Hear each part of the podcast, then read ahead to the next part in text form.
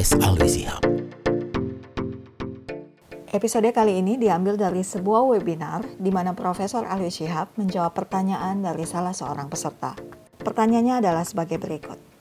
Pada saat kuliah di luar negeri, saya berasosiasi dengan Universitas Kristen. Kemudian pada saat berkarir di Indonesia, karir saya juga di lembaga yang basisnya Kristen. Saya banyak ditegur oleh saudara-saudara untuk mencari yang islami. Menurut Prof, kira-kira bagaimana hukumnya? Karena dalam hal ini saya menjalankan peran saya sebagai pendidik. Demikian pertanyaannya. Mari kita lihat jawaban Profesor Alwi Shihab di podcast Alwi Shihab berikut ini. Bismillahirrahmanirrahim. Alhamdulillah wassalatu wassalamu ala Rasulillah wa ala alihi wa sahbihi wa man tabi'ahu wa wala. Saya sendiri lima tahun mengajar di Amerika dan yang saya ajar itu umumnya orang Kristen.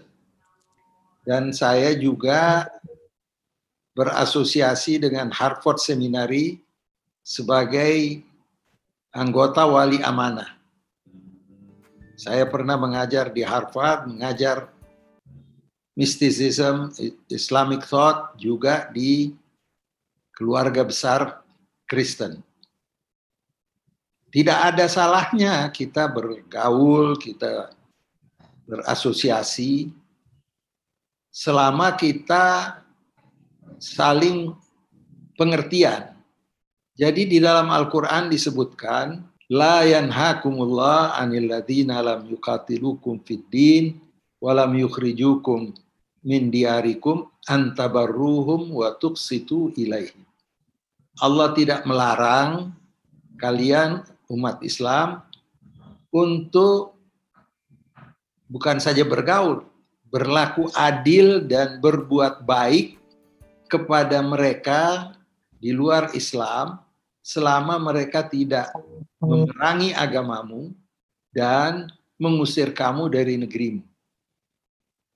Itu jelas. Itu Al-Quran bilang begitu. Jadi selama kita bergaul dengan kelompok non-muslim yang tidak memerangi agama kita dan tidak mengusir kita dari negeri kita, maka tidak ada apa-apa untuk kita berbuat baik dan berlaku adil kepada mereka. Keteladanan Nabi bagaimana menghadapi uh, delegasi Najran Kristen yang datang berkunjung kepada Nabi dengan lapang dada Nabi terima dan bahkan mereka sewaktu ingin melakukan baktian dipersilahkan di masjid Nabi. Jadi artinya yang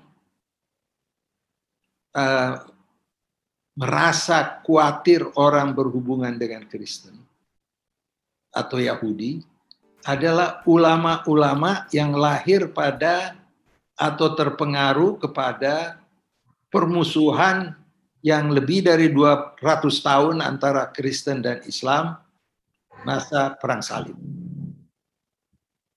Jadi coba perhatikan ulama-ulama yang di masa itu. Itu keras-keras semua. Ibn Taimiyah keras, bahkan Ibn Taimiyah bilang tidak boleh uh, apa namanya ikut di dalam perayaan dan Kristen eh, komunitas Kristen harus ditempatkan jauh dari komunitas Islam. Karena apa?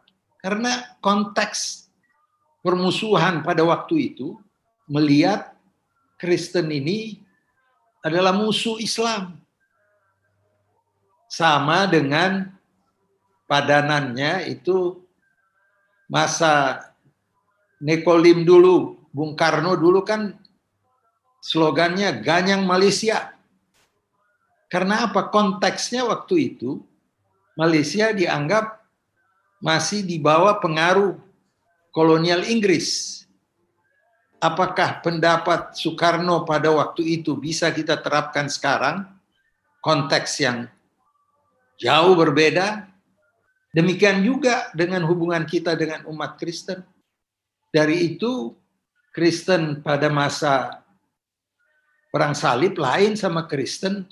Sekarang sekarang ini Pope-nya datang ketemu dengan Syekh Azhar. Syekh Azhar datang ketemu dan saling berusaha untuk menjalin hubungan yang baik.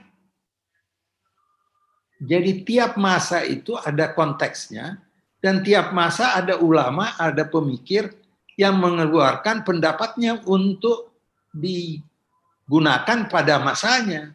Tidak bisa masa yang masa peperangan diterapkan pada masa perdamaian. Kita selalu harus mengambil eh, prinsip-prinsip dasar dari Al-Quran. Al-Quran bilang selama dia tidak memerangi, dia tidak memusuhi, maka kamu harus berlaku adil dan kamu harus baik sama mereka.